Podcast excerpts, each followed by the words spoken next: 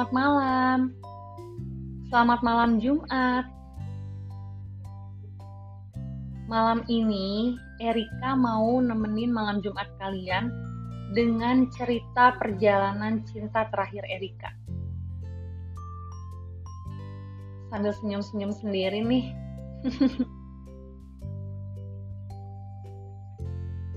Soalnya Erika mau nyeritain hal terindah dalam hidup Erika.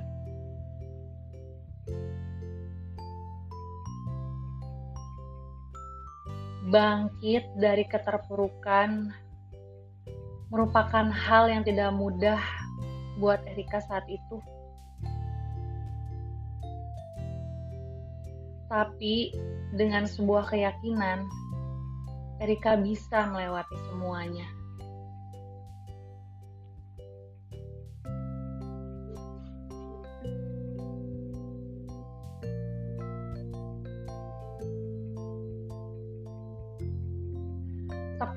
Satu minggu sebelumnya Erika sempat sakit cukup parah. Yang buat Erika harus benar-benar istirahat di rumah dan gak masuk kerja. Kangen juga sama suasana kantor. Kangen sama bercandaan-bercandaan di sana. Dan yang pasti udah kebayang dong pendingan kerjaan selama satu minggu numpuknya kayak gimana?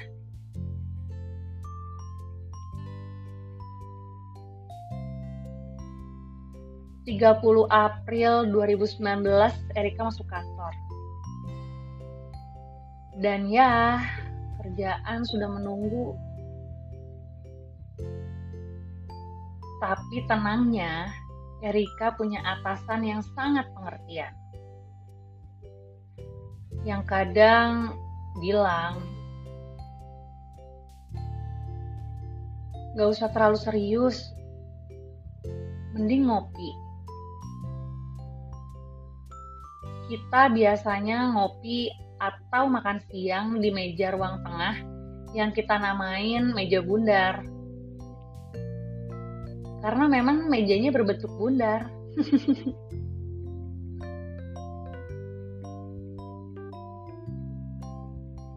Siang itu seperti biasa.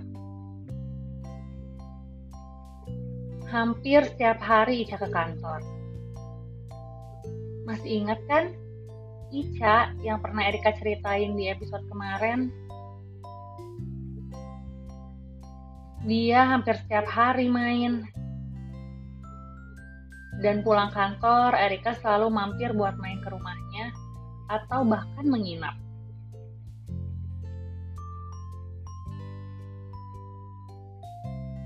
Hari itu Erika pulang lebih cepat karena Erika mau nonton film sama Ica di salah satu mall. Iya kan? Kurang baik apa Ibu Riri? Ngizinin karyawannya pulang jam 3 sore dengan alasan mau nonton film lagi. Untuk urusan izin, Erika nggak pernah bohong sama beliau.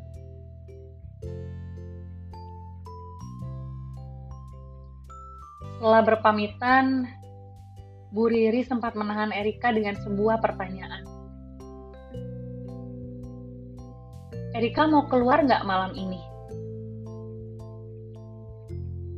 Terus Erika jawab,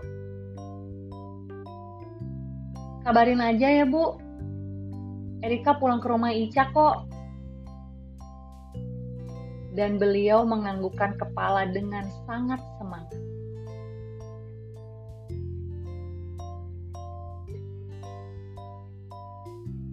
Sepulang nonton, ya jelas Erika pulang ke rumah Ica. Dan di sepanjang perjalanan menuju rumahnya, kita membicarakan acara nanti malam. Ica juga cukup dekat dengan Bu Riri. Jadi kita memang sering nongkrong bareng.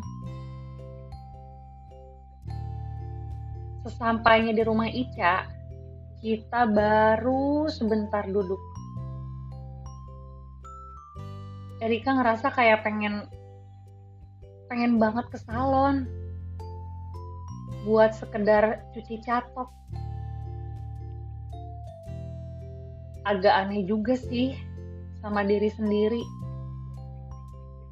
Soalnya Erika bukan tipe cewek yang doyan nyalon.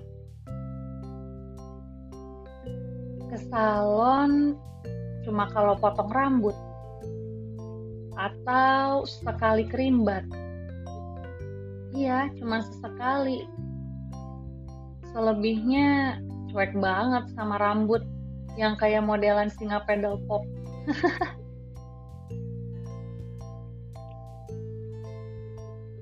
oh iya, salah satu pendorong Erika pengen banget ke salon itu soalnya Erika belum sempat keramas dari habis sakit. Bayang dong aroma keringat campur bau obat hmm, plus lengket gitu. Mana nanti malam mau nongkrong lagi? Keramas sendiri males. Jadi cak cuci catok yuk ke salon. Kalau urusan kayak gini, Ica nggak pernah nolak sih.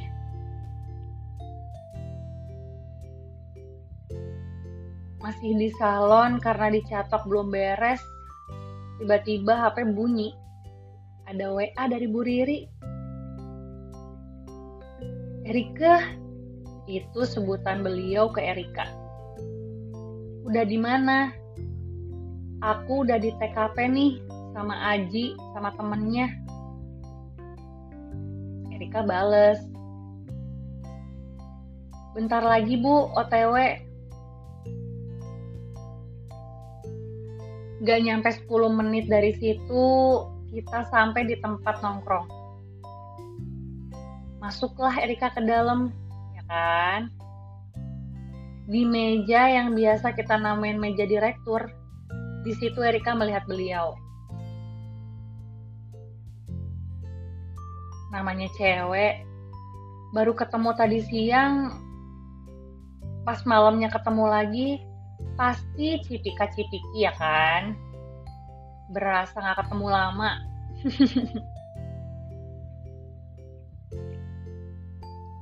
Setelah cipika-cipiki sama beliau, Erika salaman sama yang namanya Aji dan ada seorang laki-laki di sebelah kiri Erika yang duduknya tepat di depan Aji.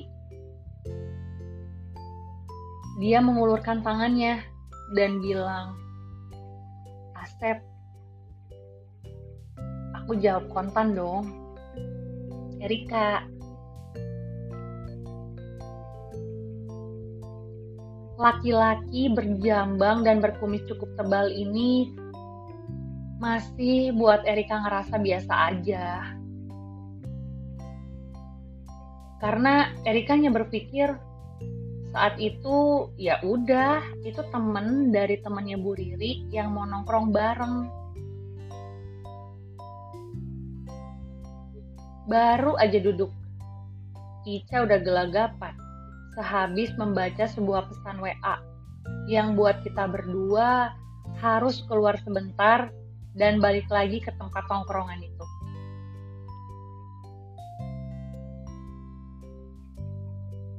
Posisi duduk Erika saat itu di sebelah kiri Aji. Depan Erika ada Ica. Dan sebelah kiri Ica ada Bu Riri dan sebelah kanannya si laki-laki berjambang ini.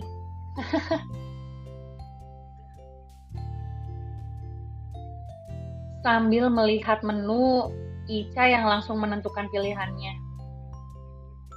Dan Erika masih bingung mau pesan apa.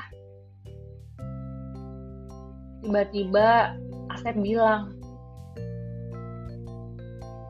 pesan aja Jujur, Erika masih nggak ngeh ya. Erika pikir dia ngomong gitu bukan tertuju ke Erika.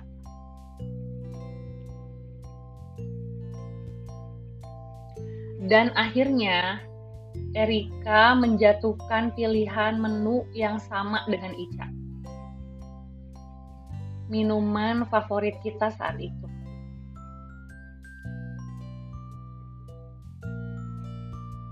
Lagi asik ngobrol-ngobrol sama Ica, tiba-tiba Bu Riri bilang, Erika, tuh ada yang mau ta'aruf. Dalam Islam, yang artinya pendekatan, tapi bukan pacaran.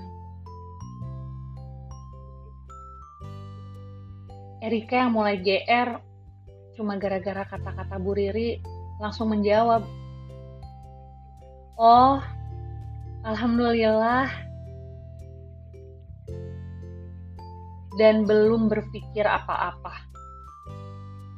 Sambil melirik sedikit-sedikit melirik ke arah dia yang juga cuma senyum-senyum. Senyum-senyum malu.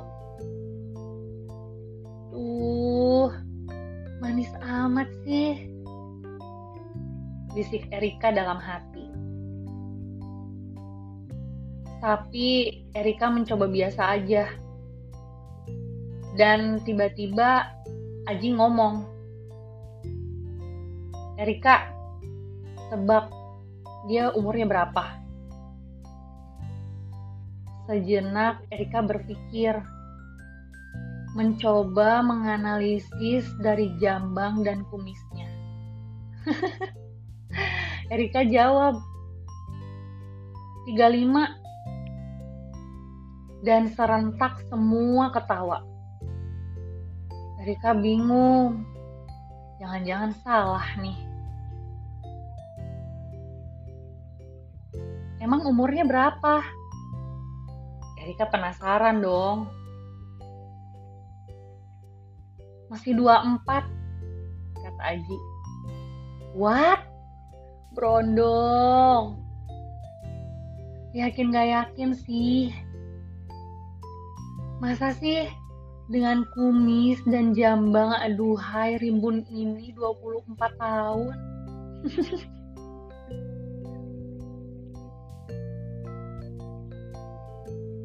Aji tiba-tiba ngajak pindah tempat duduk. Dan Erika sekarang tepat di depan laki-laki ini. Ya ampun. Ini mata harus lihat ke mana? Ke depan ada dia. Ke samping juga ngapain liatin Aji lihat Ica pusing sibuk terus sama HP dan akhirnya Erika memutuskan udahlah lihat muka sendiri aja sambil pinjam kaca ke Ica karena Erika nggak pernah bawa kaca layaknya perempuan kalau pergi ke mana-mana. Dan kalau cewek, hmm, kalau cewek gitu ya nggak bisa lepas dari kaca. Jantung tuh berasa nyut-nyutan. Diajak ngobrol sama dia Erika yang gugup langsung jawab, ah enggak, aku nggak pernah sering ngaca sambil nahan ketawa. Gak lama dia nanya WA. Dan akhirnya kita tukeran nomor handphone. Nah, ini nih part paling enggak banget yang pertama dari hati Erika. Yang baru diajak ngomong gitu aja, udah melambung ke mana-mana. Parah banget dah. Masa langsung bisik-bisik kayak gini? Ini yang artinya kayaknya ini jodoh gue. Rasa-rasanya pengen nabok banget dada sendiri. Tapi kan gak mungkin. Nanti baru kenal udah disangka gak waras.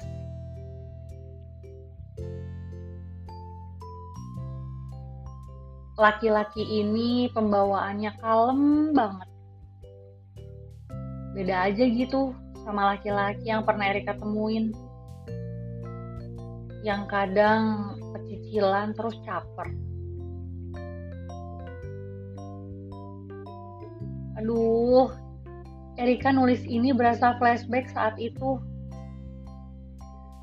Kayak banyak kupu-kupu rasanya di dalam perut.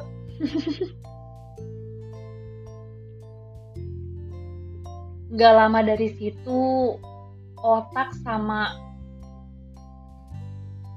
kaki sinkron banget lagi. Jalan ke bangku Ica, terus bisik-bisik. Cak, duduknya pindah dong. Aku di sini. Ica dengan muka kaget sambil ketawa bilang, Tumben kamu kayak gini. Kenapa? Sambil dengan sigap pindah bangku dan mengerti banget sahabatnya ini. Duh, pengen ngakak rasanya kalau inget.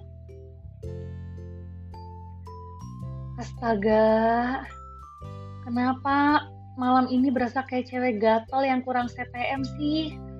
Alias obat gatel.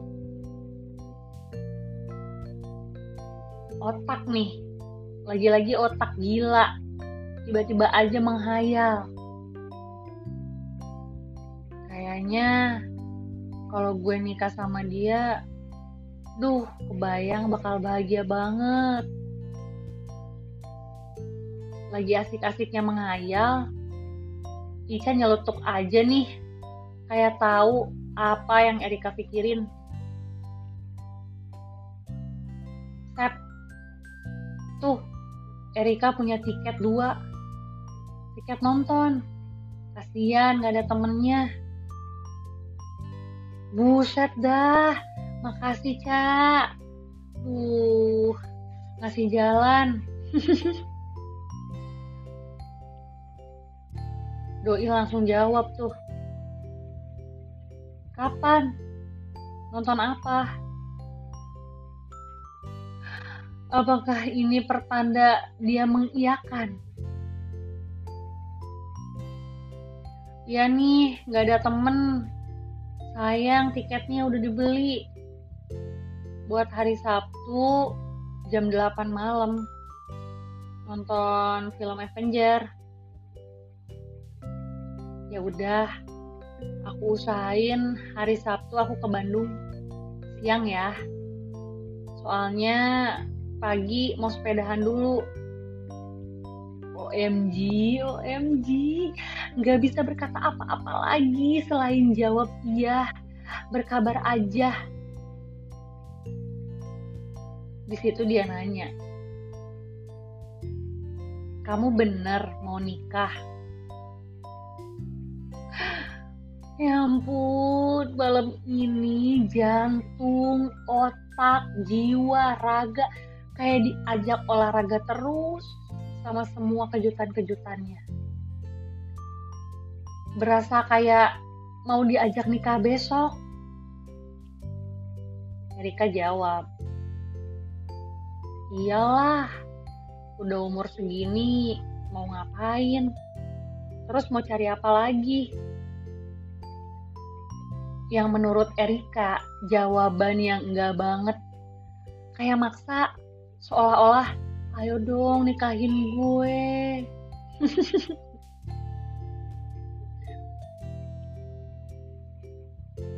Di situ dia sempat menceritakan sedikit pengalamannya sama mantan-mantannya dulu. Kegagalan apa yang pernah dia alamin, dan akhirnya dia bilang, nanti kita lanjutin lagi ngobrolnya pas ketemu. Karena di situ emang suasananya berisik banget sama live music. Dan untuk kedua kalinya, dia nyodorin HP buat nanya apa IG Erika. Step kedua nih, setelah nanya nomor WA. Berasa kayak mission complete.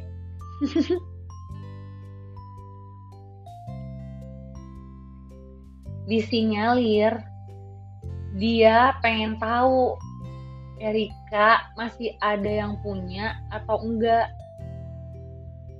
dalam hati Erika cuma bilang, cek aja yang rajin. Kamu udah disiapin buat aku kok. Anjrit, ini otak. Cepet-cepet dan Erika alihin semua percakapan antara otak sama hati dengan nyamperin teman-teman yang lain dan foto-foto dengan meninggalkan dia sama Aji di meja. Gak lama dari situ, Erika memutuskan untuk tidur di rumah Ica. Memutuskan untuk pulang. Dan Erika pun pamitan sama laki-laki bernama lengkap Asep Kurniawan Ripandi Putra ini dengan berjabat tangan. Boleh lebih enggak? astaga otak maaf bercanda bercanda bercanda. Erika lihat dia berlalu sambil ngambil helm. Disusul Erika yang pada saat itu pulang memakai mobil Ica pun melihat dia dengan motornya melaju kencang. Entah dengan kecepatan berapa kilometer per jam yang meluncur ke kota Sumedang. Di mana itu kota asalnya dia.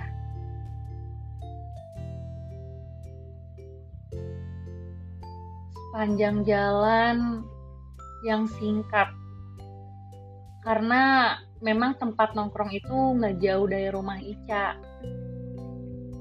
Dan Erika nggak berhenti-berhenti mendengarkan lagu lewat Spotify yang berjudul Aku Cinta Kamu by Two Triple O. Duh, beneran kasmaran gue. Sesampainya di rumah Ica, sambil rebahan di kasur, Erika sambil mikir, WA jangan ya. Akhirnya Erika memutuskan untuk nanya sama Ica. WA nggak ya? Ica yang juga semangat menjawab. WA aja nggak apa-apa. Oke, Erika ambil handphone dan kamu udah sampai rumah.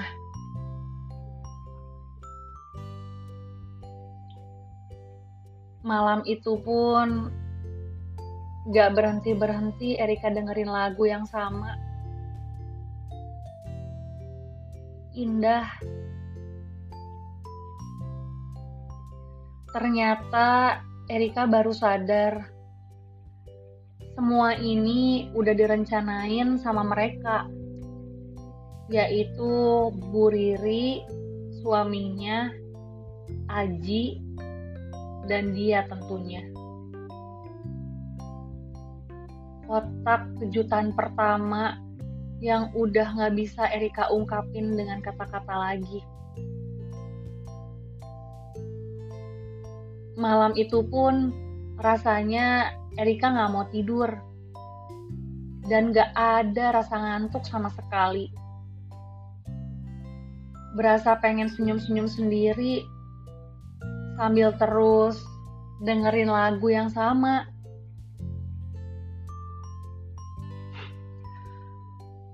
Handphone Erika pun bunyi. Dan terlihat dari notif itu dari dia.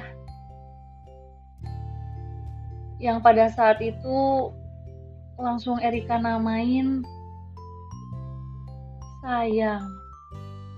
Fuck gila please jangan ketawa Erika juga nggak tahu alasannya kenapa